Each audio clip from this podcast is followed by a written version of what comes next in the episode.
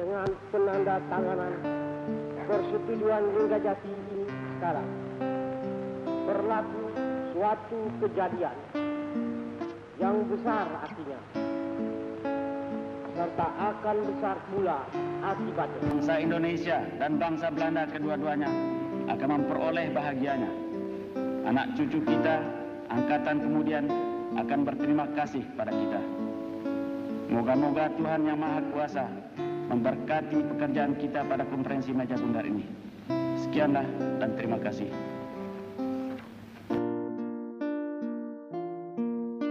Ayo bangsa Indonesia, revolusimu belum selesai. Jangan berhenti, sebab siapa yang berhenti akan diseret oleh sejarah.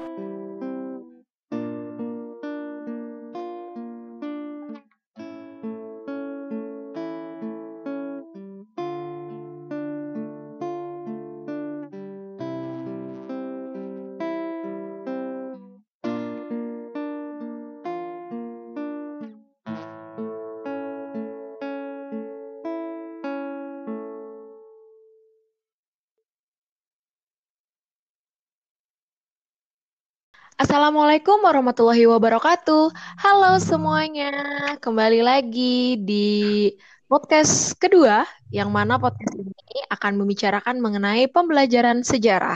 Masih bersama saya sebagai moderator Anissa Suci Rahma Yuliani, guru sejarah di SMK Forward Nusantara. Dan diisi hari ini bersama teman-teman saya. Silahkan yang di ujung sana, ada siapa? Uh, saya Yohanes Putra Utama dari SMA Ignatius Lametria di Jakarta. Oke, halo Bapak Yohanes. Yang selanjutnya? Uh, halo, selamat malam. Saya Idrus Rahman Arifin, uh, pengajar di SMK N67 Jakarta.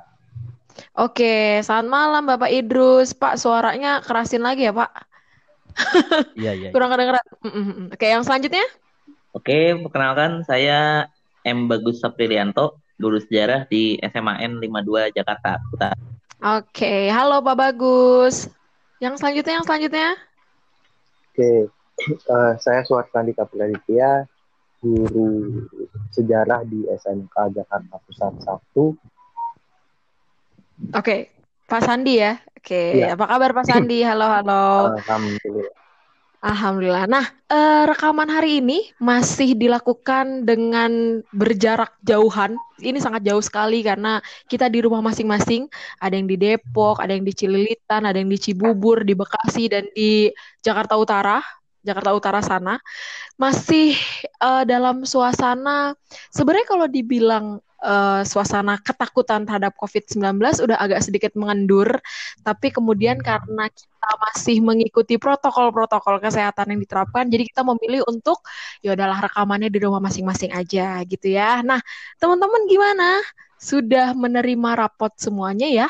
Atau yang baru masuk SMA sudah mulai mencari yang lulus SMA mulai mencari-cari kampus, yang baru lulus SMP sedang mencari sekolah. Um, kita akan menemani masa pencarian kalian, ya, dengan suara-suara kami yang hari ini akan ngobrolin tentang sejarah.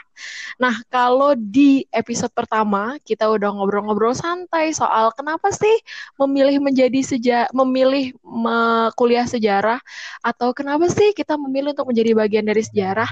Nah, hari ini kita akan ngobrol lagi mengenai ya sejarah lagi dong, soalnya kan kita guru sejarah ya. Uh, gini teman-teman, yang mau saya tanyain kepada bapak-bapak semua yang ada di room obrolan ini, menurut kalian belajar sejarah tuh harus kayak gimana sih? Karena gini, ini sering banget, apalagi ini pengalaman saya pribadi ya mereka uh, anak murid saya di sekolah itu taunya ah ibu ngajar sejarah ya ngebosenin dong. Atau ah ibu pasti nanti nyat lagi nyatet lagi deh gitu. Jadi kayak mereka semua tuh udah dapet suges entah dari mana bahwa sejarah itu yang ngebosenin, bahwa sejarah itu yang yang apa tuh namanya yang hanya nyatet aja. Padahal mereka baru mulai gitu akan akan mempelajari sejarah di uh, eh, SMA kelas 10 misalnya. Nah, karena di sini bapak-bapak guru semua, coba dong mau dengar pendapat-pendapat bapak-bapak gimana sih seharusnya belajar sejarah itu? Ya, dimulai dari apa nih hari ini? Dimulai ya. dari siapa? Yang pacarannya Pak lama. yang pacarannya paling lama menyeramkan ya. Waduh. Siapa dong yang pacarannya paling lama? Ya saya jomblo pak. makanya nggak makanya dari tadi tuh kita diam-diaman eh, Itu. pacar terlama yang mana ya gitu kok Ada jadi pengakuan. pacar gitu iya ada pengakuan Em, kalau feeling-feeling saya yang paling lama pacaran tuh Idrus Rahman Arifin. iya betul gimana Pak Pak Idrus menurut Bapak Idrus Emang belajar iya? sejarah tuh terus kayak apa sih iya Aduh, iya kita iya ya? sepakat kita sepakat Bapak pacarannya paling lama Iya, mufakat sekali itu. Oke. Sepakat sekali.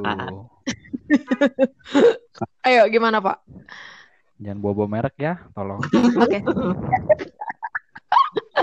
kan ini belajar sejarah, belajar masa lalu kan katanya. Nah, masa Oke, lalu Bapak iya. gimana, Pak? Eh, enggak, maaf. Bukan masa lalu Bapak. Gimana belajar sejarah? Masa lalu saya nggak penting buat saya dan buat dia mungkin ya. Oh iya, betul. Apalagi buat Indonesia ya. Ih, lanjut yuk. Eh, bagaimana harusnya belajar sejarah ya? Mm-mm. Kalau saya pribadi tadi eh, sama kayak Bu Suci yang bilang tahun-tahun pertama berarti ada ada kesan di anak-anak wah apalagi nih yang dihafal materi sejarahnya gitu. Atau apa Mhm. yang dicatat gitu kan. Padahal saya pribadi sama saya nggak suka nyatet. Maksudnya nyatet yang panjang ya saya lebih suka nyatet inti poin dan segala macam saya juga nggak susah menghafal sebenarnya. Tanggal angka nama. Ya bisa dibilang ingatan jangka panjang saya jelek lah ya. Oke. dan dan Hei. eh, bagaimana harusnya belajar sejarah buat saya me- menurut saya belajar sejarah itu bisa kok dilakukan atau diterapkan dengan cara-cara yang asik menyesuaikan dengan eh, kondisi siswanya. Teknologi yang yang berkembang disesuaikan dengan eh, cara-cara belajar yang bisa lebih efektif dan efisien. Mhm. ada ada banyak ada ada berbagai macam cara. Mungkin nanti bisa ditambahkan sama eh, guru-guru di seberang sana yang ada kita bisa lewat eh, apa namanya kita mempraktekkan adu argumen di, di kelas adu gagasan adu ide kalau saya sih biasanya yang paling menarik adalah membuat membuat saya melempar pertanyaan yang sedikit kontroversi atau saya melempar pertanyaan yang nyeleneh tapi eh, apa namanya eh, untuk untuk untuk menggiring atau mem, apa ya saya saya sebagai pemantik. Dan ketika ketika ibarat kobaran api saya pemantiknya ketika kobarnya sudah mulai besar dan diskusinya tidak bisa eh, teratur saya yang mengarahkan. Atau bisa kita giring lewat lewat sumber berita bisa kita giring lewat eh, video bisa kita giring lewat eh, wacana yang yang menarik menarik bagi bagi anak-anak. Mhm. bisa kita juga bisa lewat eh, apa namanya drama misalnya atau lewat pentas-pentas eh, yang bertema-temakan sejarah itu macam-macam ada berbagai cara itu sih kalau dari Mhm. saya Oke, jadi kalau menurut Pak Idrus sebenarnya ada banyak metode ya Pak ya. Jadi kayak nggak harus yang nyatet terus atau nggak harus yang mendengarkan terus, tapi ternyata banyak metode untuk membuat sejarah lebih menyenangkan gitu ya. iya betul Oke, siap-siap. Terima kasih. Terus kalau yang lainnya gimana? Berarti kalau dilihat dari urutannya masih pakai yang itu ya, saya rasa kayaknya Pak Sandi deh yang kedua. deh. oh betul Betul. Oh betul. Langsung dapat pengakuan ya. Gimana Pak Sandi menurut Bapak? Belajar sejarah tuh harusnya kayak mana sih? Jadi saya meneruskan tongkat estafet dari Idrus ya. Betul. Betul. Agak ini oke lah. Eh, gimana ya belajar sejarah itu Mm-mm. Agak beda nih pengalamannya sama teman-teman yang lain kalau Bu Suci sama Pak Idrus bilang pas di sekolah dibilang Mm-mm. wah Pak Bu nyatet lagi dong hafalan lagi dong uniknya di tempat saya ngajar, anak-anak tuh sama sekali nggak kenal sejarah. Pas saya tanya, Oh ya. kok, kok, kok, kok pada nggak kenal gitu? Itu pas SMP nggak belajar. Jawabannya unik. Enggak pak, kami nggak belajar. Banyakan dari kami itu eh, di SMP-nya pelajaran IPS itu lebih banyak membahas tentang ekonomi. Oke. Nah, fokus ke pelajaran ekonomi. Untuk geografi dan sejarahnya eh, sedikit sekali malah. Mm, mm, mm, Makanya- mm, mm. PR terbesar waktu pas saya mulai ngajar di tempat saya sekarang memperkenalkannya ulang jadi benar-benar metode yang yang saya pakai itu metode yang baru bagi mereka. Jadi mereka kenal perkenalan mereka dengan sejarah itu pakai metode yang yang saya saya pakai gitu yang saya kasih ke mereka. Contoh metodenya sama poin besarnya sama.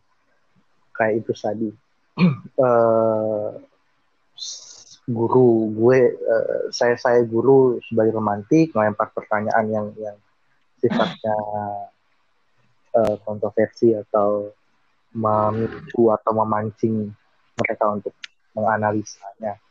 Nah tapi itu di tahun pertama, di tahun kedua eh, saya mulai mulai mikir lagi nih kalau kalau eh, mereka kayak gini terus karena antusiasme mereka kurang waktu pakai metode itu.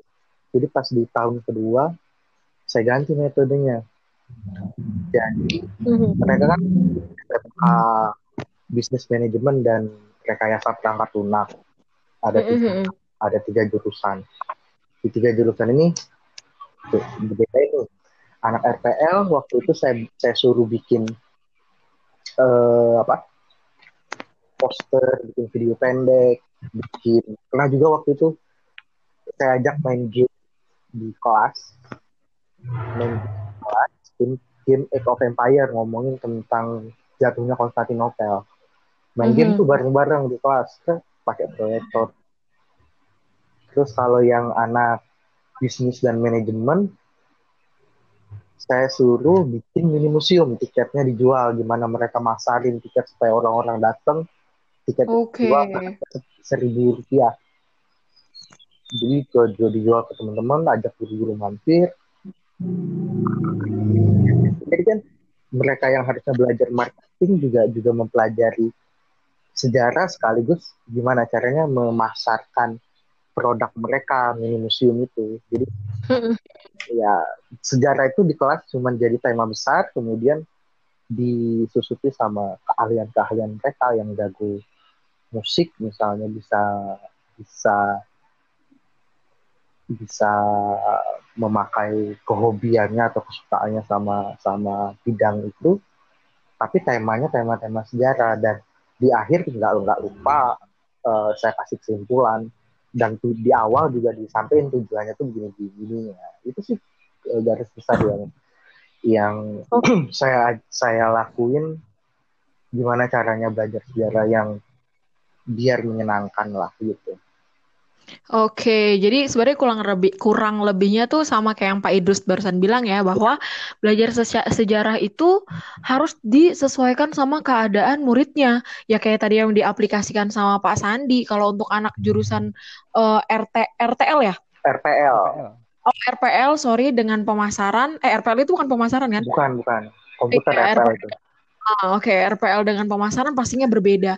Tapi eh, penjelasan Pak Sandi ini jadi bikin saya ingat satu buku yang ditulis sama eh, Paulo Freire yang judulnya Pendidikan Komunitas, di mana Freire juga menjelaskan bahwa sistem pendidikan itu adalah sebuah proses trial and error.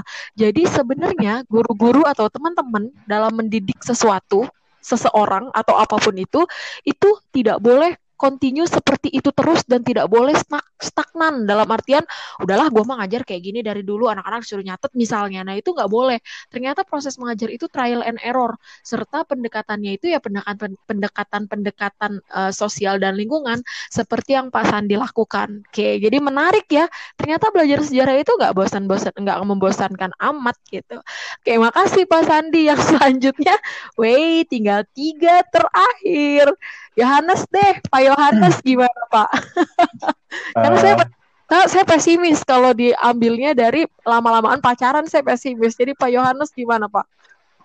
Kalau dari saya, kalau boleh saya meminjam istilah Bapak Sandi tadi, mm-hmm. apa memperkenalkan kembali. Gitu. Artinya kalau mungkin anak SMP belum belum belum belum terlalu ditekankan dalam hal hal atau mata pelajaran sejarahnya atau materi sejarahnya mungkin uh, kita atau mungkin guru-guru yang mengajar terutama di kelas 1 itu harus sebisa mungkin memperkenalkan kembali sejarah ke murid-muridnya. Nah, caranya mungkin menurut saya ya, artinya uh, caranya mungkin menurut saya uh, memperkenalkan kembali dengan sesuatu hal yang uh, tidak jauh-jauh dari uh, sekitar anak-anak murid tersebut itu. Misalkan uh, membahas biografi atau menugaskan tentang menulis biografi tokoh-tokoh yang disenangi nggak harus dari tokoh-tokoh pemerintahan atau dari tokoh politik bisa juga dari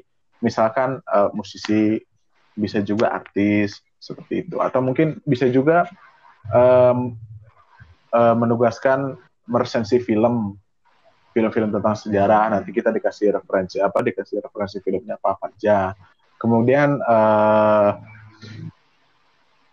uh, meresensi novel novel-novel sejarah juga mungkin bisa seperti itu. Jadi intinya adalah yang coba saya katakan bagaimana uh, dalam dalam dalam pembelajaran sejarah terutama di dalam pendidikan formal uh, tugas guru terutama tugas guru di kelas 1 atau bisa juga kelas 2 kelas 3 adalah bagaimana memperkenalkan uh, sejarah, uh, sorry, memperkenalkan sejarah itu langkah pertamanya adalah bagaimana menumbuhkan minatnya terlebih dahulu sebelum okay. masuk ke teori-teori yang lebih berat lagi, mm-hmm. seperti itu. Kalau menurut saya sih seperti itu. Oke, kalau yang bisa saya tangkap dari pernyataan Pak Yohanes, kayaknya memang butuh sebelum sebelum uh, mengenal lebih jauh harus menumbuhkan rasa cinta dulu nggak sih? Iya, kalau misalnya atau, kalau apa atau atau mungkin misalkan bisa uh, silakan hmm. kalian cari tahu tentang sejarah tempat tinggal kalian sekarang gitu. Mm-hmm. Nah itu bisa. Ya Pak saya pindah-pindah Pak gimana? Ya. kalau ada kayak gitu, kalau ada kayak gitu ada susah ya. Ya pokoknya pokoknya intinya menurut Bilang Pak dong. Itu, apa tuh? Situ nomaden gitu. itu manusia purba gitu ya.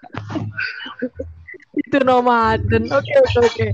Terima kasih Pak Yohanes. Ih, tinggal berdua Pak Bagus sama saya. Siapa mau duluan nih? Suci dulu. Suci dulu. Ih, langsung disebut Suci dulu. Suci kan Suci pernah pacaran. Assalamualaikum. Iya, oke. Okay. Dari Suci ya. Um, berarti ini kita sharing soal pengalaman ya. Kayaknya sama kok. Sama kayak uh, empat temen yang sebelumnya ngejawab Eh, tiga tiga sorry. Bagus pak bagus soalnya belum ya. Jadi hampir sama uh, kebetulan saya di SMK yang ada tiga jurusan berbeda juga. Ada DKV TKJ sama TKK tata kecantikan kulit ya mereka semua punya minat terhadap sebenarnya gini kalau yang yang saya alamin dan saya berani untuk menyatakan ini sebenarnya semua anak itu punya rasa ketertarikan terhadap sejarah. Saya ngajar dua tahun di sekolah itu semuanya ngaku bu kita semua sebenarnya suka aku sama sejarah tapi kita semua nggak hafal gitu. Jadi mereka suka kalau Iya Bu, Soeharto lalalala, Soekarno lalala berani ngomong kayak gitu. Sama kayak teman-teman saya juga pakai metode yang berbeda di setiap kelas. Pertama kali saya masuk di kelas 10, anak-anak TKK udah bilang, "Ibu kita belajar aja tentang sejarah lipstick." Ih, mampus nggak sejarah lipstick kayak mana, Bos? gitu kan. Terus kalau anak-anak DKV, "Ibu, Ibu, kenapa sih dunia ini perlu animasi? Apakah dunia ini terlalu membosankan makanya butuh kartun?" Ih, mampus kayak kan. Jadi saya hampir sama kayak teman-teman. Saya pakai metode yang berbeda-beda dengan juga melihat ini anak gimana. Misalnya anak uh, tata kecantikan kulit yang memang suka sama make up, tidak mungkin kan aku ajarkan dengan cara eh bukan tidak mungkin juga, maksudnya mereka akan kalau misalnya ya anak-anak mari kita buka laptop, kita belajar ini pakai PPT. Mereka langsung kayak, "Ah, Ibu mah PPT terus yang gitu-gitu." Jadi saya kadang ngasih mereka karton, coret-coret deh pakai lipstick lo, pakai eyeshadow lo, pakai coret-coret itu mengenai materi sejarah ya kayak gitu kayak gitu. Jadi kurang lebihnya kalau di suci juga sama sih pakai metode yang uh, pas buat anak-anak yang juga bikin anak-anak jadi mau kenal sejarah kayak gitu. Itu dari aku. Jawaban yang terakhir berarti. Pak Bagus. Akhir ya berarti ya. ya, terakhir ya. Okay. Jawaban yang beda dong. Dibilang beda enggak sih, karena hampir sama dengan teman-teman semua terkait gimana ketika kita ngadepin siswa-siswa saat uh, sejarah Cuman mm-hmm. kalau dari gue pribadi sih, yang paling penting itu ini pandangan gue ya. Gue mm-hmm. itu pertama-tama pengen coba setiap ngajar anak-anak, mau itu baru pertama kali ketemu. Biasanya pertama kali ketemu kan perkenalan dulu dan pengantar. Di situ biasanya gue ngejelasin bahwa ketika kalian belajar sejarah sama saya, jangan pernah tertanam dalam pikiran kalian belajar sejarah nantinya sama saya itu bakal hafalan atau bakal ngerangkum satu buku. Kan biasanya kan kalau hmm. belajar sejarah di dulu-dulu itu kan yang yeah. tertanam di pikiran anak-anak kan kayak gitu kan. Maju hafalan. Saya ngalamin, saya ngalamin. Iya, kita semua ngalamin hal-hal kayak gitu. Yeah. Maju nyatet ngerangkum satu buku dan lain sebagainya. Yang pertama saya bilang sih itu, jangan pernah tanam bahwa nantinya belajar sejarah sama saya bakal kayak gitu. Karena nantinya saya punya pandangan kalau belajar sejarah itu sebenarnya adalah sebuah upaya untuk bertanya terus terhadap mhm. peristiwa masa lalu. Karena kan sejarah itu kan yang kita bicarakan kan adalah peristiwanya. Mhm. Dan ketika kita bicara peristiwa, kalau baca di buku cetak kan peristiwa itu hanya dijabarkan, diceritakan sebagaimana seharusnya sebuah peristiwa terjadi. Jarang di buku-buku sekolah mau terbitan apa pun itu yang mempertanyakan sebuah peristiwa itu kenapa bisa terjadi atau mengapa peristiwanya itu seperti itu. Makanya ketika pertama kali ngajar sejarah buat anak-anak, gue pribadi sih yang terpenting adalah mencoba dalam tanda kutip ya menggoyahkan pikiran anak-anak lewat pertanyaan-pertanyaan sih. Pertanyaan-pertanyaan yang nyeleneh, yang ngebuat anak-anak, oh iya ya, bener juga ya. Pertanyaan itu mereka sempat kepikiran, cuman nggak pernah mau mereka pikirkan panjang-panjang. Mm -hmm. Yang mungkin paling gampang kan pertanyaannya itu adalah paling enak tuh nanyain ke anak kelas 10 ketika masuk materi mm. praaksara. Pertanyaan paling gampang kan kayak begini, yang paling sering bikin anak-anak mikir. Manusia purba atau manusia praksara zaman dulu ngomongnya pakai bahasa apa? Ayo. Wah itu kan langsung rame dan lain sebagainya. Iya ya zaman dulu orang komunikasinya pakai apa ya dan lain sebagainya ya. Ya jadi itu sih sebenarnya. Kalau dari gue pribadi sih yang terpenting ketika belajar sejarah jangan tertanam di dalam pikirannya belajar sejarah itu bakal nyatet sama ngerangkum. Mungkin sih tiap guru bakal beda tapi belajar sejarah bukan ngerangkum sama uh, hafalan kok. Itu sih kalau dari gue Oke, berarti uh, kalau yang bisa aku ambil, kalau Pak Bagus ini lebih kepada uh, memacu adrenalin dengan pertanyaan-pertanyaan nyeleneh yang sebenarnya. Kalau kita pikir apaan sih pertanyaannya? Receh banget ya. Ya udah terserah. Manusia purba mau ngomong pakai apa gitu ya. Tapi yeah. kemudian jadi serius karena kemudian ngebahasnya dari segi sejarah gitu. Oke terima kasih kepada Pak Bagus. Kita sudah uh, memberikan pendapat kita mengenai pembelajaran yang menyenangkan seperti uh, pembelajaran sejarah yang uh, harusnya di dapatkan sama adik-adik atau teman-teman SMA itu seperti apa ya? Oke, okay. uh, eh, selanjutnya karena podcast ini kita bikin sebenarnya untuk uh, membantu berdiskusi antar teman-teman sekolah, jadi kita ngambilnya sesuai dengan materi yang yang teman-teman alami kita mulai dari materi yang pertama di kelas 10 di SMK ataupun SMA yaitu mengenai berpikir sejarah. Ya, kemudian kita bakal ngobrol nih soal berpikir sejarah. Sebelumnya ada berapakah teman-teman pendengar yang baru pertama kali tahu bahwa oh sejarah juga punya cara berpikir ya. Ayo, ada berapa coba? Ada berapa? Mungkin banyak ya. Karena saya sendiri baru mendengar kata berpikir sejarah ketika kuliah. Ah, pikir sejarah. Pikirin masa lalu doang dong. Gitu. Sampai saking kayak materi ini tuh aneh banget. Nah, sekarang saya mau minta pendapat dari teman-teman lagi di ujung sana mengenai sejarah itu cara yang berpikirnya kayak mana sih? Ya. Mau dimulai dari apa nih? Tolok ukurnya apaan lagi nih sekarang nih? Pacaran paling singkat. Ih, pacaran mulu coba itu. Gimana? Iya, pacaran mulu ya. Oke, ada yang ngasih masukan pacaran paling singkat. Siapa dong? Bagus. Siapa oh, bener. Makasih, Emang Pak. Jangan mengada-ngada lu. Jangan ada-ada. Siapa kalau pacaran paling singkat saya diam. Oke, berarti saya terakhir ya. Saya nomor dua terakhir. Bapak berpengalaman banget, Bapak. Ya, Siapa dong? Bapak bagus? Oh, oke. Okay. Bagus ya. Siap. Ya, Gus. menurut, aja. menurut kamu ber, berpikir sejarah itu kayak apa? Atau pentingnya anak-anak hari ini berpikir sejarah, punya pola pikir sejarah, itu gimana? Sebenarnya gini ya, kalau kita ngomongin berpikir sejarah pasti kan bahasanya kan akan jadi berat karena itu kan jujur cukup menjadi materi yang sulit kan apalagi kan kita semua teman-teman di sini juga mempelajari itu pas kan pas zaman kuliah kan mm -mm. tapi kan berpikir sejarah ini juga nantinya dihadapi sama teman-teman ketika mereka masuk pertama kali ke jenjang pendidikan SMA kalau mm -mm. menurut gue sih SMK. nah atau SMK kalau menurut gue sih pada dasarnya berpikir sejarah itu adalah bagaimana kita menempatkan cara pikir kita dalam mempelajari sejarah itu memiliki keunikan dibandingkan ketika kita memikirkan pelajaran lainnya.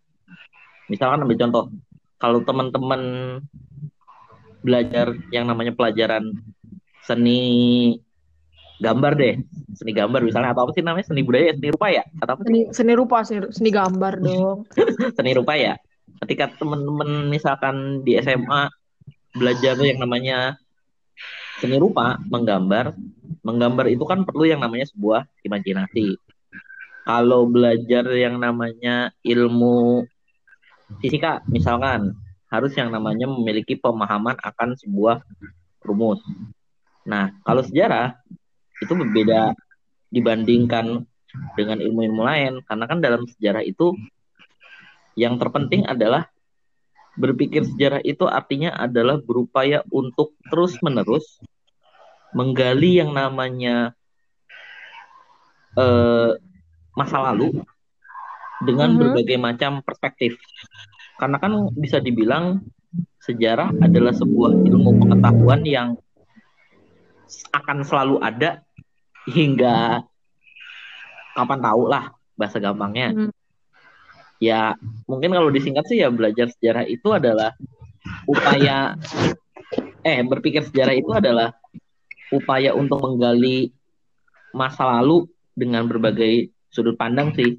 Karena kan kalau hmm. kita belajar sejarah hanya sekadar satu sudut pandang itu sangat ganjil. Karena kan sejarah itu kan adalah menggali peristiwa masa lalu yang bisa dibilang peristiwa masa lalu itu pasti peristiwanya nggak sesimpel itu. Akan ada banyak berbagai macam cerita dari sebuah peristiwa di masa lalu. Itu sih kalau dari gue mungkin agak belibet Oke, okay. uh, eh, kalau yang saya bisa tangkap ya dari tadi saya banyak nangkap hal ya. Maksudnya gini, Pak Bagus berusaha untuk membuka pendapat bahwa cara berpikir sejarah itu adalah cara berpikir yang kalau kamu ngelihat satu hal itu tidak terjadi karena hal itu tunggal terjadinya ya. Iya nggak yeah. sih? Yeah. Bahwa terjadi, bahwa terjadi itu banyak faktor-faktor lain loh yang mendukung kejadian itu. Gitu Oke, siap-siap. Itu dari Pak Bagus. Yang selanjutnya, terima kasih BTW Pak Bagus. Yang selanjutnya, ada Bapak yang ingin memberikan pendapatnya. Bapak Sandi. oh, Bapak Yohanes tahu kalau Bapak Sandi itu pacarannya singkat ya? Ih, kamu. Coba Jangan. Bapak Sandi. Jangan dibuka lah kartunya. Iya, gimana Pak? Sebelumnya gue paling apa kedua setelah itu. Paradoks dong kalau untuk sekarang kedua setelah bagus. Enggak, ini eh. mufakat Pak, mufakat tanpa musyawarah. Mufakat Pak. mufakat tanpa musyawarah ini. Nah, betul. mufakat tanpa musyawarah betul betul. Pembelaan gue gak diterima ya. Tidak. Tidak. Gak ada playdoy. Uh, cara berpikir cara berpikir sejarah itu gampangnya kalau kalau gue mendefinisikan atau mengartikan cara berpikir sejarah itu sederhana kita ingat 5W 1H 5W 1H itu apa sih? Apa itu, teman-teman? 5W 1H. Why, who, where, where, where sama when, when. how, how. Ya when, how, ha, ha, ha. nah, jadi gini gini. Uh, ketika lo mau uh, ketika kalian mau mau nyeritain satu peristiwa sejarah harus diingat yang pertama kali lo sebutin kapan peristiwa itu. Di mana siapa pelakunya di mana bisa terjadi sama kenapa? uh, kenapa itu bisa terjadi dan nggak lupa ditambah lagi unsur-unsur harus berurutan. Mana yang pertama kali harus ceritain awal mulanya dong. Kan kita nggak bisa cerita tentang peristiwa masa lalu tapi belakangnya duluan yang kita sebutin. Apa hmm. mulanya duluan? Jadi kan harus harus beruntut. Periodisasi jelas. Harus lumut. Kronologisnya jelas. Bagian masanya jelas. Lo nyeritain awalnya dulu kenapa bisa bisa Indonesia merdeka karena gini gini kapan di mana dan segala macam. Gue rasa itu itu sih secara sederhananya bisa ditambahin atau diluruskan lagi oleh teman-teman yang lain. Oke, terima kasih Bapak Sandi. Eh, Bapak Sandi ini lebih metodis sekali ya bahwa cara berpikir sejarah adalah cara berpikir 5W1H gitu. Oke, buat yang ketiga siapa dong? Pace. Pace. Bapak Yohanes, gimana Pak menurut Bapak berpikir sejarah? Kalau menurut saya, uh, mungkin sebelum masuk ke ini kita coba dulu jelasin ke uh, anak-anak murid. Artinya misalkan seperti ini. Kepada pendengar, kepada pendengar. Ya, kepada Pak. Ya, kepada pendengar atau kalau kita sedang di kelas kan kita oh, okay. coba coba menjelaskan dulu. Misalkan uh, guna guna guna guna berpikir matematika atau guna ilmu matematika ya untuk misalkan uh, mempelajari rumus-rumus untuk menghitung jarak dan lain sebagainya. Ilmu geografi misalkan mempelajari tentang uh, apa struktur uh, apa sorry struktur bumi atmosfer dan lain-lain. Kalau sejarah sih intinya berpikir sejarah ya berguna untuk uh, bagaimana kita mengurutkan masa lampau dan eh, masa lampau hingga masa sekarang. Intinya sih di situ. Artinya bagaimana kita meng, meng apa meng, mengurutkan terus mengelompokkan peristiwa-peristiwa di masa lalu. Nah gunanya ya mm-hmm. gunanya juga banyak. Artinya misalkan untuk mengetahui sebab akibat dan lain-lain. Mungkin dari saya sih seperti itu. Oke, kalau menurut Pak Yohanes lebih kepada membedah satu uh, masalah menjadi eh, peristiwa-peristiwa kecil gitu nggak sih? Karena barusan sempat sempat menyinggung sebab akibat dan lain yeah. kurang lebih gitu nggak sih ya gitulah ya. Oke, okay. terima kasih Bapak Yohanes. Lalu selanjutnya saya yang keempat, saya yang keempat nggak bodo amat. Nggak ada nggak ada musyawarah saya keempat saya keempat.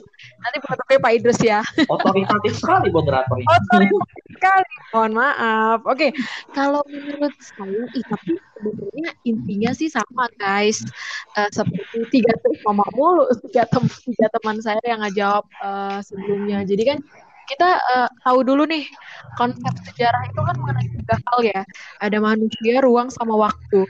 Dan bagaimana cara untuk menentukan konsep ini menjadi satu cerita sejarah itu dibutuhkan cara berpikir sejarah. Maksudnya gimana sih? Kalau gampangnya Suci bisa menggambarkan seperti ini. Misalnya kita lihat ada kejadian kecelakaan amit-amit di depan mata kalian. Kalau kalian adalah tipe orang yang berpikir sejarah, kalian gak akan bilang, ih itu mah pejalan kakinya aja yang bodoh makanya ketabrak atau ih itu mah emang yang bawa motor aja tuh yang gak ngeliat makanya ada tabrakan gitu. Kalau orang-orang yang bisa berpikir sejarah, semua hal itu bisa dirangkum menjadi satu pemikiran yang gak bikin kamu asal ngejudge sama satu hal. Jadi kalau kamu udah bisa berpikir sejarah, ngelihat sesuatu nih yang kaitannya sama manusia dan ruang dan manusia ruang dan waktu, kalian gak akan langsung judge karena kalian bakal mikir gini, oh oke, okay, orang itu jalan dari arah sini, terus ternyata dia nyebrang gak lihat kanan kiri, ada uh, motor jalan dengan kecepatan segini, oh itu mah yang salah ini ini gitu loh. Jadi jadi itu sebenarnya uh, menurut saya cara berpikir sejarah dan keuntungannya gampangnya itu sih adalah cara berpikir yang menyatukan antara konsep sejarah manusia dan ruang dan waktu menjadi satu satu satu pemahaman di kita semua. Gitu sih kalau menurut saya. Terus kalau yang menurut Pak Idrus terakhir gimana Pak? Oke, uh, gue ngomong apa lagi ya? Udah dijawab semua. eh jawabannya gini aja saya sih sama kayak Pak itu aja politis sekali ya. Oke. Okay. Aku sih uh, manut. Mungkin kalau dari saya rangkum kali ya dari semuanya dari dari Pak Bagus, Pak Suci, Pak Anas. Kalau boleh jam istilahnya, Bapak Dirjo pikir sejarah dan, dan sesuatu yang berbau sejarah peristiwa sejarah itu adalah sebuah eh sorry sorry uh, maaf maaf itu rada sedikit gresek-gresek kalau di pendengaran saya coba dari menurut menurut siapa pak menurut siapa menurut uh, Prof Sartono Kartodirjo Oke, okay, Prof. Sartono Kartodirjo ya. Kalau boleh minjam istilahnya, sejarah itu adalah sebuah peristiwa yang dimensional.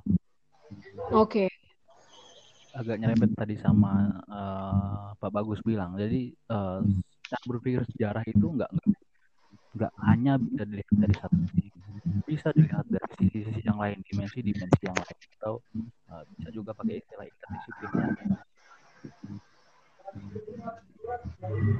Nyambung ke tadi yang dibilang Bu Suci, uh, ada banyak cara pandang yang bisa dilihat jadi narasinya cuma narasinya tidak tidak narasi tunggal di dalam sebuah sejarah. Bisa dikaitkan dengan uh, perspektif yang lain dan tetap ada koridor-koridor uh, 5W1H di dalam di dalam penjelasan narasi sejarah atau peristiwa sejarah itu. Dan uh, cara berpikir sejarah ini sebenarnya sulit-sulit gampang sulit-sulit gampang. Gampang kalau kita kalau kita bijak dalam dalam melihat dalam melihat membongkar atau menganalisis sebuah sebuah sejarah selama tidak selama uh, namanya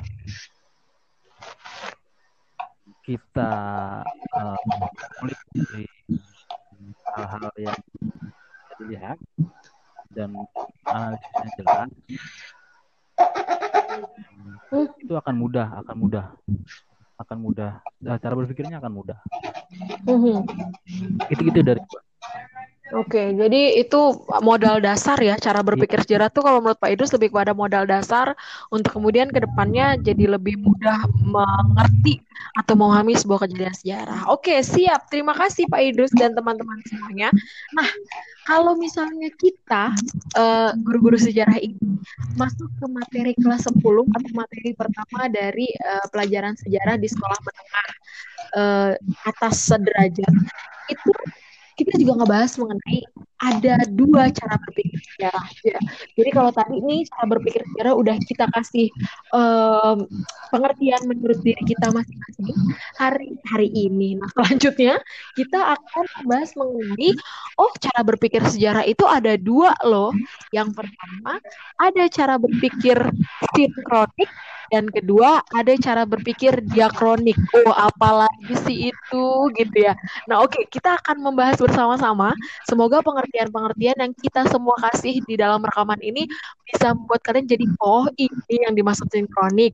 Oh, ini yang dimaksud diakronik gitu ya. Karena jujur kita berlima pun kayak aduh materinya rada rada sulit dalam artian kita ketika SMA iya nggak sih? Saya sih ngerasanya gue pribadi nggak pernah belajar ini waktu SMA iya nggak sih?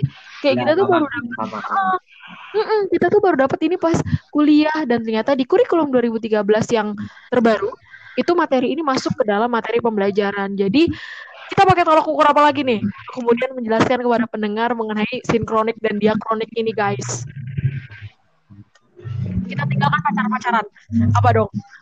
Yang lebih ilmiah buku yang paling banyak baca buku selama WFH ih gila. Subjektif eh, oh, eh ada lah yo jangan terus subjektif. Terima kasih pak. Ya, jangan dong. Main sepakat sepakat aja nggak nggak ada yang sepakat. Duh duh duh duh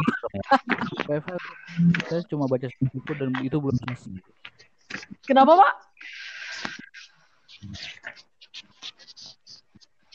mulai dari yang tinggal di Jakarta deh. Oh, Waduh. cakep, cakep. Mulai dari yang tinggal di Jakarta. ada tiga orang. ada Bapak Yohanes, ada Bapak Idrus, ada Bapak Sandi. Jadi kalau kalian mau, mau apa uh, main ke rumahnya gitu, silahkan ketiga orang ini di Jakarta ya. Ayo, siapa duluan nih di antara kalian bertiga? Untuk memberikan kita semua pengertian mengenai cara berpikir sinkronik dan diakronik. Ya. Kayaknya utara dulu deh. Apa? Kayaknya utara dulu atau Oh, utara dulu. Utara, Baik. utara dulu, utara. Utara. Ut, ut. Ut. saran gue dari arah matahari terbit. matahari terbit di mana? Timur. Oh, gini guys. Uh, gimana kalau moderator dulu sepakat? Sepakat. Ih. Sepakat. Sepakat. Sepakat. Sial. Ih, mantep banget punchline-nya. Baiklah kawan-kawan. Ger. Um, cara berpikir sinkronik dan dia. Saya memberikan satu uh, di, yang harus teman-teman pahami ya. Eh, tapi saya nggak tahu kata kunci ini dipahami apa enggak. Dan yang bikin saya terngiang-ngiang hari ini karena almarhum dosen kita pernah menyebutkan ini dan pas saya bertemu langsung dengan anak-anak peserta didik, saya baru kayak yang oh ini yang dimaksud almarhum waktu itu gitu loh. Nah saya suka saya suka banget sama pengertian ini. Gak apa-apa ya guys, saya kasih pengertian ini ya. Jadi cara berpikir sinkronik adalah cara berpikir yang mem, me, sinkronik itu melebar dalam dan Ruang. menyempit dalam waktu. Ih, kayak apa tuh? Ntar saya akan lemparkan pengertian itu kepada teman-teman. Itu sinkronik. sinkronik itu intinya adalah melebar dalam ruang dan menyempit dalam waktu.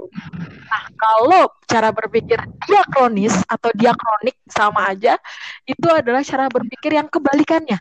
Kalau tadi ruangnya yang besar, waktunya yang sempit, nah ini memanjang dalam waktu dan menyempit dalam ruang.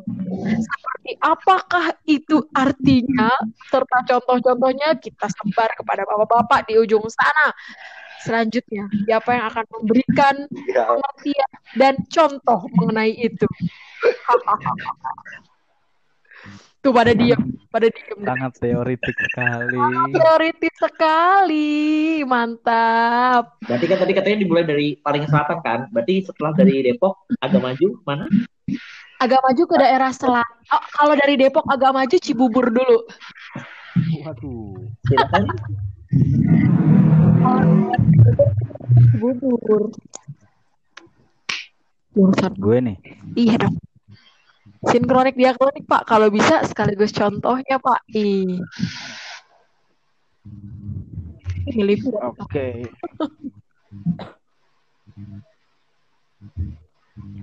Kalau tadi sudah dijelasin sama Bu Suci uh, poin dari sinkronik dan diakronik ini, ya memang ketika saya pertama kali belajar tentang ini agak-agak rumit karena sangat sangat sangat teoritik. Sinkronik melebar dalam ruang menyebut dalam waktu. Diakronik melebar dalam waktu menyempit dalam ruang. Waktu panjang pak lebar iya ruang dan waktu oke. Okay. saya berasa nonton film Jidan. Orang waktu ya. Jidan siap? Pak siap? Eh pendengar oh, iya. kita pendengar kita pada ngalamin nggak Pak masa itu? Ngomong-ngomong ada di YouTube kok. Iya. orang waktu. Siap. Oke okay, uh, eh, intinya dalam sebuah sebuah uh, pelajaran sejarah biasanya yang yang dipelajari adalah uh, tematis ya sebuah peristiwa sejarah. Mm.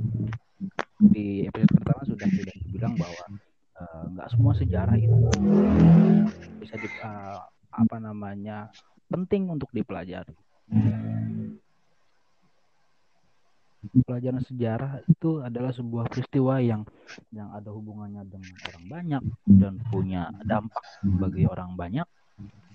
Nah, sebuah peristiwa sejarah ini pasti ada tiga faktornya yang tadi disebutin di sama Bu Suci ada manusia, ada ruang, ada ruang, ada waktu. Nah, cara berpikir sih tadi maksudnya melebar dalam ruang adalah misalnya kita ngebahas uh, sebuah apa namanya uh, peristiwa sejarah atau kita ngebahas sejarah kota Jakarta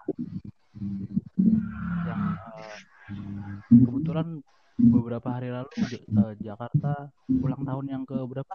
400 493 93 ya? Misalnya kita bahas sejarah kota Jakarta. Nah cara berpikir sinkronik adalah pertama melebar dalam ruang. Di dalam sebuah uh, kita ngebahas sebuah sejarah kota Jakarta. Kita ngebahas satu waktu kita ngebahas Jakartanya aja dalam satu waktu tertentu. Menyempit dalam waktunya itu. Misalnya kita bahas uh, sejarah kota Jakarta misalnya ketika masa VOC atau ketika uh, dalam satu waktu tertentu tapi yang dibahas yang dibahas dalam sejarah Jakarta itu ada banyak ada berbagai perspektif ada ada berbagai multidimensi. Misalnya keadaan sosial masyarakat keadaan ekonomi perkotaan Jakarta keadaan atau penyebaran demografisnya itu ruang lingkupnya. Sisinya ada banyak yang bisa dibahas tapi kita bahas sejarah kota Jakarta dalam waktu tertentu saja. Itu sinkroniknya diakronik itu kebalikannya misalnya kita bahas uh, contoh yang paling gampang adalah uh, siapa? Saya nama pengarangnya misalnya sejarah kota Jakarta dari tahun sekian sampai tahun sekian. Atau uh, Jakarta 450 tahun atau sekian tahun dari tahun sekian sampai sekian itu dibahas. Bahasan kota Jakarta nya panjang dari awal pertamanya terbentuk kota Batavia sampai akhirnya berubah nama sampai Jakarta itu dibahas dalam kurun waktu yang panjang tapi ruangnya sempit kayak gitu contohnya oh buku ya. buku Jakarta 400 tahun ya Susan Blackburn ah, oke okay. nah. mm -mm. oke okay. itu dari saya mungkin bisa ditambahkan oleh teman-teman yang lain Oke, itu dari Pak Idrus ya. Ada contoh, ada contoh dan pengertian juga yang sebenarnya kayaknya dari contoh yang diberikan Pak Idrus sudah cukup kita mulai gimana? Oh gitu, gitu sih sebenarnya. Cuma saya menunggu tiga teman lainnya. BTW makasih Pak Idrus. Siapa selanjutnya menggeser dari Cibubur ada ke depan dikit? Cililitan, bos. eh, Cijantung nih. Eh, Cijantung, Cililitan tuh maaf, Cijantung maaf. Iya bukan Cililitan guys, maaf guys. Cijantung, Cijantung gimana Cijantung? Kalau uh, menurut saya mungkin ya. Uh, menurut Cijantung. Mudah-mudahan tidak salah. Sudah pasti Enggak, siap. Sudah pasti benar. uh, inti uh, mungkin bukan inti ya, tujuan ya. Uh, sorry.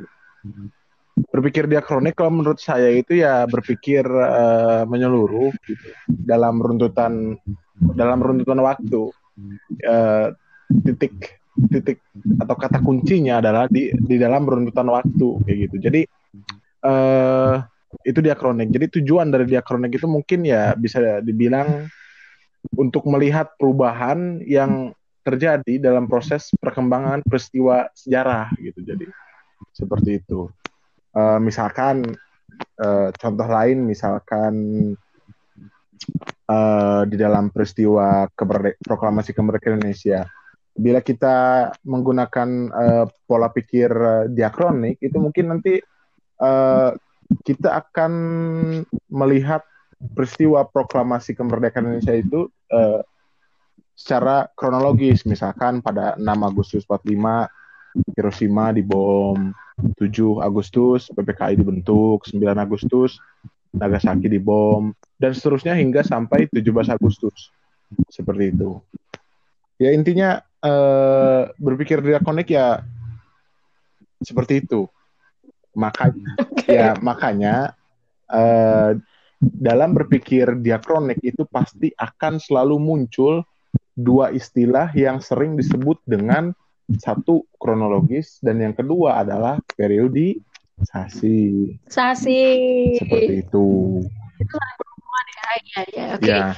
Sinkronik. Terus kalau sinkronik, uh, mungkin kalau secara kalau menurut saya ya sinkronik itu mungkin uh, bisa dibilang segala sesuatu yang bersangkutan dengan peristiwa yang terjadi pada suatu masa seperti itu. Jadi kata kata kata kata kuncinya adalah di peristiwa yang bersangkutan pada satu masa. Ya, itu sama aja ya. Mm-hmm. Seperti itu. Artinya kalau kita contohkan dari dari dari dari dari apa dari peristiwa uh, proklamasi tadi mungkin uh, mungkin kalau kita berpikir secara sinkronik kita mungkin akan uh, hanya uh, kita berfokus kepada faktor sosial dalam peristiwa proklamasi peristiwa proklamasi kemerdekaan Indonesia tersebut atau kita uh, mungkin melihat dari faktor sosial, ekonomi dan lain-lain, politik atau mungkin bisa bisa juga kita membandingkan gitu peristiwa proklamasi kemerdekaan Indonesia dengan misalkan revolusi Amerika dan lain-lain seperti itu. Jadi berfokusnya pada peristiwanya ya, ya peristiwa Pak? dalam satu masa itu mungkin yang disebut dengan uh, memanjang eh melebar dalam ruang tetapi menyempit dalam waktu. Istilah siapa sih? Oke, okay, siap. Istilah siapa? Eh, istilah saya yang ngomong pertama. Cek istilah saya nggak bohong-bohong itu itu dari dari buku kok. Oh iya. Eh, terima kasih. Iya, iya. Apa-apa. Ada lagi? Udah sih, udah, udah cukup. Boleh, boleh duluan sebelum bagus. Boleh dong, kan abis ini dari Cijantung emang kita rencananya mau ke itu Tanjung Priok emang oh, emang rencananya. Eh, gue satu lagi dong, gue satu lagi dong. Boleh, boleh. Eh, boleh. Mungkin kita mundur lagi dari Tanjung Priok ke Cijantung gimana? Mungkin uh, mungkin itu mungkin yang paling berkenaan dengan uh, berpikir sejarah ya. Artinya sejarah itu dasarnya adalah berpikir diakonis, tetapi ketika sejarah uh, bersentuhan dengan ilmu-ilmu sosial lainnya, dia akan memiliki sifat sinkronik tadi. Oke, itu uniknya ya, ya? itu uniknya. Jadi ya begitulah sejarah. Oke, begitu. Siap. Terima kasih Pak Yohanes. Ya, selanjutnya kita main lagi ke Tanjung Priuk. Gimana Pak Jakarta Utara? Apa mau ngejelasin seperti apa sinkronik dan diakronik itu? Uh, sinkronik, sinkronik, diakronik. Ke diakroniknya dulu ya. Diakronik itu kan tadi kata suci meminjam istilah dari almarhum dan kita memanjang dalam waktu menyempit dalam ruang diakronik waktunya hmm. panjang ruangnya sempit atau terbatas contohnya itu perang di Ponegoro 1925 sampai 1930 batasan waktunya jelas panjang lima tahun 1905 1926 27 28 29 30. 18 Pak, 1825. Oh iya, sorry 1825 sampai 1830 ya. Uh. Saya malah nggak enggak, ya siap siap. Salat maghrib, salat maghrib. Iya. Maghrib, salat maghrib. Enggak bercandanya tua banget, kamu bercandanya tua banget. Uh, 1825 sampai 1830. Perang di Ponegoro itu waktunya sepanjang itu tuh, jelas ya waktunya panjang tuh, panjang dalam ruang, mm -hmm. jelas 18 sekarang tempatnya terbatas perang itu nggak terjadi di Papua Barat nggak terjadi di Kalimantan Selatan, nggak terjadi di Jakarta. Dia cuma terjadi di Jawa Tengah, uh, khususnya Yogyakarta dan sekitarnya. Uh, bagian wilayah Kesultanan Mataram, Kesultanan Mataram. Jadi jelas tuh tempatnya kan di Yogyakarta dan sekitarnya. Hmm. Itu menyempit dalam ruang. Nah, yang yang yang di yang dibahas ya dalam perpanjangan waktu itu dalam dalam sepanjang waktu yang yang sempit dan terbatas yang sempit itu uh, sorry waktu yang panjang itu di, dibahas itu prosesnya kayak ada kata yang proses ada proses ada proses okay. lebih ada perubahan mm -hmm. kalau ada proses pasti ada perubahan mm -hmm. dan perkembangan Misalnya mm-hmm. proses terjadinya perang di Ponorogo itu dari dari 1825 sampai 1830 kayak gimana sih? Dijelasin tuh dari awal sampai akhir. Itu kan proses tuh. Nah, dalam sepanjang proses mm-hmm. itu, dalam sepanjang tahun proses itu apa aja sih yang yang yang perkembangannya gimana sih perang itu dari yang tadinya perang ini di satu titik menyebar ke titik-titik lain. Kemudian apa yang yang menjadi penyebab perubahan tatanan sosial misalnya. Di dalam masyarakat waktu perang itu selesai. Itu itu dia contoh-contoh lainnya dia nah kalau sinkron itu eh, kalau itu saya tadi setuju dengan uh, Pak Yohanes kalau di dalam sinkron itu menunjukkan keunikan ilmu sejarah karena ilmu sejarah itu bisa minjem pendekatan-pendekatan ilmu sosial lainnya. Waktunya pas, kan bisa aja yang dikaji cuma satu atau dua tahun. Kalau kalau dia sinkronik kan sampai lima tahunan kan. Kalau di sinkronik ini bisa aja yang dikaji cuma satu tahun atau dua tahun. Jadi sempit tuh waktunya, nggak panjang tahun nih, hmm. lima tahun uh, terus waktu tempatnya yang yang lebar. Sempit tahun atau dua tahun doang tapi tempatnya yang lebar. Uh, apa ya contohnya? Pemberontakan petani Banten buku dari Prof. Sartono ya? Sartono Kartodirjo iya. Pemberontakan petani Banten 1880 satu tahun tuh yang dikaji oleh uh, Prof. Satu tahun satu tahun itu yang bahas Banten provinsi Banten secara keseluruhan kan luas. Nah, yang perlu diperhatiin ngomong uang ini ini dari yang yang gue tangkap setelah baca-baca lanjut uh, tentang teori-teori sejarah. Yang dimaksud ruang itu ternyata kita interpretasi. Uh, kita jangan terpaku sama sini. Ruang sama dengan tempat. Tapi memang sih benar ruang itu sama dengan tempat. Tapi ruang ini juga bisa diartikan sebagai bahan kajiannya. Itu semua semua aspek kehidupan masyarakat dibahas mulai dari ekonomi sosial nah petani Banten ini kenapa disebut tempatnya luas selain memang membahas di semua provinsi Banten juga ngebahas semua aspek kehidupan masyarakat. Apa yang menyebabkan pemberontakan? Kok bisa-bisanya petani yang tahun 1888 itu kan nggak nggak nggak siap uh, cara mengorganisir petani-petani lain atau cara ngumpulin petani-petani lain ngajak melawan siapa yang dia lawan gitu. Dan suci yang mm-hmm. bisa menyederhanakan kata-kata dia tadi. Itu aja sih. Paham gue paham. Btw terima kasih Pak Sandi. Uh kalau Pak Sandi ini menjelaskannya sangat detail. Kenapa kemudian uh, di Ponorogo disebutnya uh, diakronik dan petani pemberontakan petani Banten disebutnya sinkronik sebenarnya sama intinya. Lebih kepada kalau cara berpikir diakronis itu uh, waktunya yang panjang, ada ada rentang di situ 1825 sampai 1830, sedangkan kalau misalnya sinkronik itu ruangnya yang lebar dan dipertegas lagi.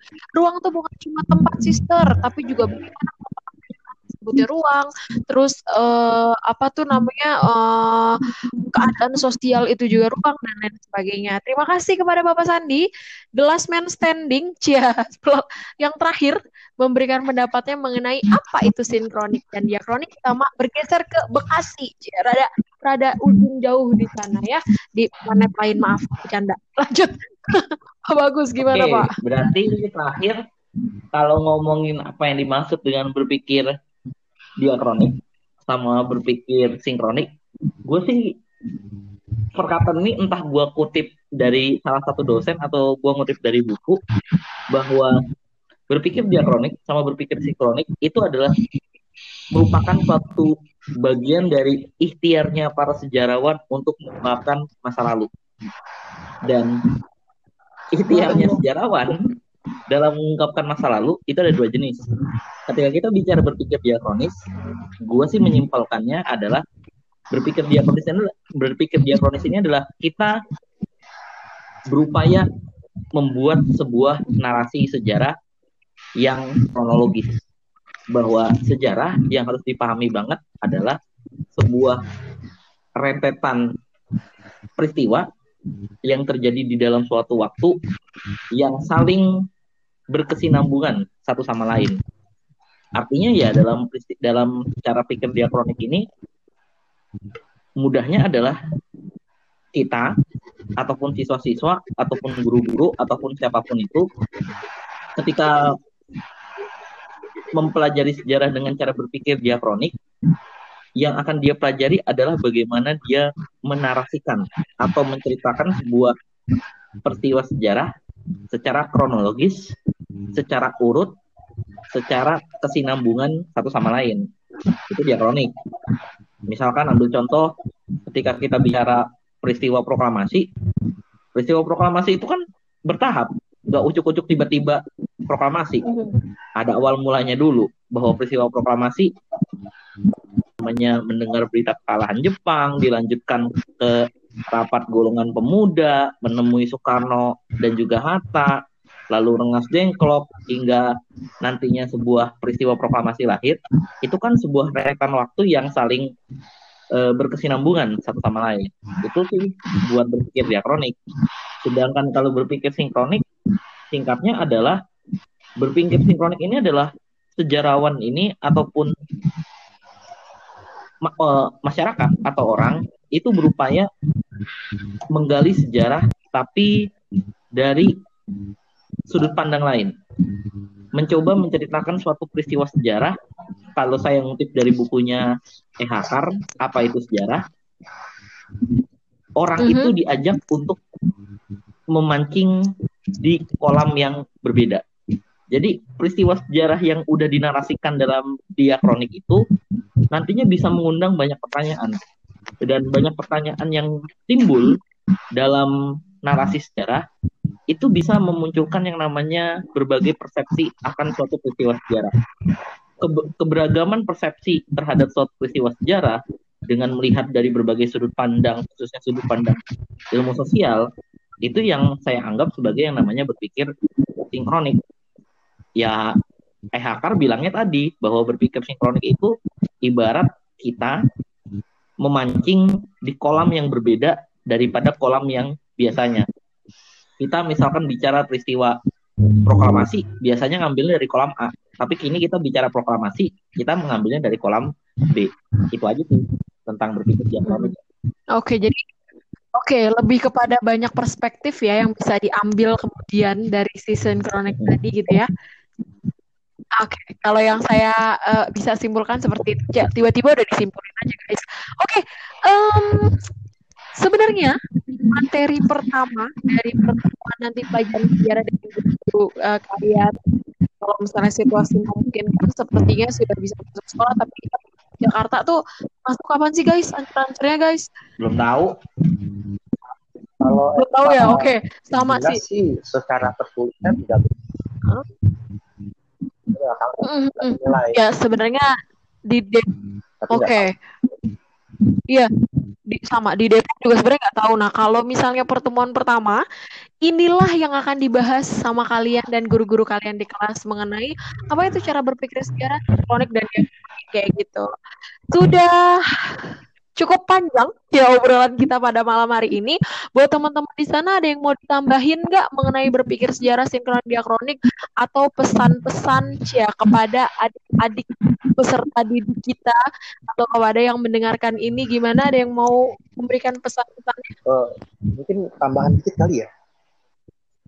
Oke, boleh, boleh, boleh. Gimana? Pasan dia? Jangan bingung nih kalau kita belajar sejarah. Oh, jadi gua yang mana ya? Diakronik atau sinkronik? Nah, jangan dibingungin itu. Tapi dua-dua itu kayak kata Pak Bagus tadi, kita bisa mancing di kolam A atau kolam B. Ini bisa kita pakai. Hmm. Gitu. Jangan jangan dibingungin, jangan jangan dianggap dua hal yang berbeda, tapi dua hal itu yang membangun sejarawan untuk membuat cerita sejarah atau orang yang belajar sejarah memahami sejarah itu pakai cara itu tadi terserah kita mau pakai apa pendapat pendapat oke oke sepakat sepakat sama-sama jadi kayak jangan Oh, bukan sebuah pilihan, bukan. Jadi yang benar itu sinkronik apa diakronik? Bukan, keduanya itu benar karena keduanya adalah sebuah cara gitu. Oke deh, uh, mengingat panjangnya waktu, ya, dan kemudian materi memang sudah habis, kita akan bertemu lagi di podcast selanjutnya dengan materi sejarah yang selanjutnya juga akan kita bahas. Apa itu? Kita akan bahas uh, ke depan. Ya, nantinya uh, terbitnya podcast ini kita sih merekam ini rencananya seminggu sekali. Jadi bisa dibilang seminggu kemudian akan terbit uh, materi selanjutnya. Materinya apa? Silahkan ditunggu. Oke, okay. Anita Suci. Apa, apa tuh, apa tuh? terakhir buat teman-teman yang bakal belajar tentang konsep-konsep. Mungkin dari sekarang sih disaranin buat yang namanya coba cari-cari literatur tentang mempelajari okay. konsep-konsep sejarah. Ada yang mau ngasih judul-judul okay, buku? untuk biar biar makin nah. ngerti ya. Ada yang mau ngasih judul buku uh, buat materi ini? Siapa? Gede-gedean? Iya, buat ya. materi ini kan, buat materi sinkron diakronik. Oke, kalau dari saya silakan baca buku Sejarah Indonesia untuk SMA atau SMK kelas 10. terbitan dari terbitan dari ya, terbitan dari silakan cari di toko-toko buku terdekat. Langsung gitu. Itu itu gampang ya. Kalau yang lain coba yang lain. Sandi coba dari Sandi. Apa ya selain dari eh kita kita satu produk. Maaf pak. Mohon maaf pak. Kita ya, punya satu produk. kayaknya bagus dan agak beda tuh. Ada pembaruan. Oke. Okay. selain buku buku paket sejarah. Terbitan tit Iya. Uh, Sartono Kartodi eh Sartono. Kuncoran Ningrat sih. Pengantar. Ya Oh Kunto Wijoyo, astagfirullah kok kuncarane ngerat Kunto Wijoyo, iya iya iya. Kunto Wijoyo pengantar ilmu sejarah, oke. Terus yang selanjutnya? Uh, sama kayak Suci, saya satu produk. satu produk. betul betul betul. Pak Yohanes, oh kalau Pak Yohanes rada beda nih. Disuruh bacanya Sartono Kartodirjo Pemberontakan Petani Banten. Buku buku sejarah untuk SMA terbitan uh, Sinar Harapan. Wah, wah kacau. eh, udah disensor malah disebut namanya. Dasar kamu ya. Ya kepada penerbit Sinar Harapan boleh kalau misalnya butuh ini ini buku ke Pak Yohanes ya. Oke. Okay. Terima kasih Pak. Masih ada Sinar Harapan. eh bentar. Eh itu itu koran ya? Itu itu itu koran zaman astagfirullah itu tahun berapa itu? Eh sinar harapan tuh lama. Ya oke okay, baiklah. Ya Allah saya kemakan merah. Oke selanjutnya. Terakhir Pak bagus. Dari saya banyak dah bukunya nih. Biar bocah-bocah pada belajar. Ih, mantap. Calling apa aja ini yang menarik? Yang pertama coba baca bukunya Eh Hakar. Apa itu sejarah itu terbitan mm-hmm. salah satu penerbit buku di Kota Depok. Kayaknya kalau untuk referensi buku mungkin bisa dicek kali apa enggak? Depan? Merek penerbitnya, biar nggak salah beli gitu. Uh, merek penerbit, ya masa disebut? Perlu disebut atau enggak? Atau enggak, biar nggak ya salah udah. beli atau penerbitnya boleh boleh boleh. Eh Hakar, eh, Hakar itu terbitannya komunitas bambu Depok. Terus ya. buku kedua tadi Depok. yang udah dibilang sama teman-teman pengantar ilmu sejarah Kunto Wijoyo. Terus Yang ketiga itu bukunya Louis Gustrak. Uh, mengerti oh iya mengerti sejarah ya Louis Louis Gustrak mengerti, sejarah. sejarah itu terbitan UI Press kalau nggak salah terus mm-hmm. berikutnya itu baca bukunya ya Sato Makato Yunjo yang uh, sejarah dalam perspektif ilmu-ilmu sosial. Oh iya iya iya. Okay. itu terbit terbitan ombak kalau nggak salah itu. Itu buku bener-bener ngebahas tentang sinkronik diakronik habis-habisan. Sama terakhir itu baca bukunya siapa itu Collingwood itu judulnya tuh? Nggak tahu ya? Adalah kita baca Collingwood buku susah itu iya Collingwood bukunya ada susah Oh, ada susah sih ya yang Collingwood itu ya. Apa? Idea ah. of History buat. Nah, ya Idea of History. RJ Collingwood. RJ Collingwood. Itu buat teman-teman yang ngerti bahasa Inggris, yang sekalian mau belajar bahasa Inggris, silahkan baca buku itu. Bisa di Oke, mantap. Hah? E-booknya bisa di-download kan? E-booknya bisa di-download. Eh? Di salah eh? satu web e-book di dunia. E-book? Oke. Okay. Iya. Apa-apa kan?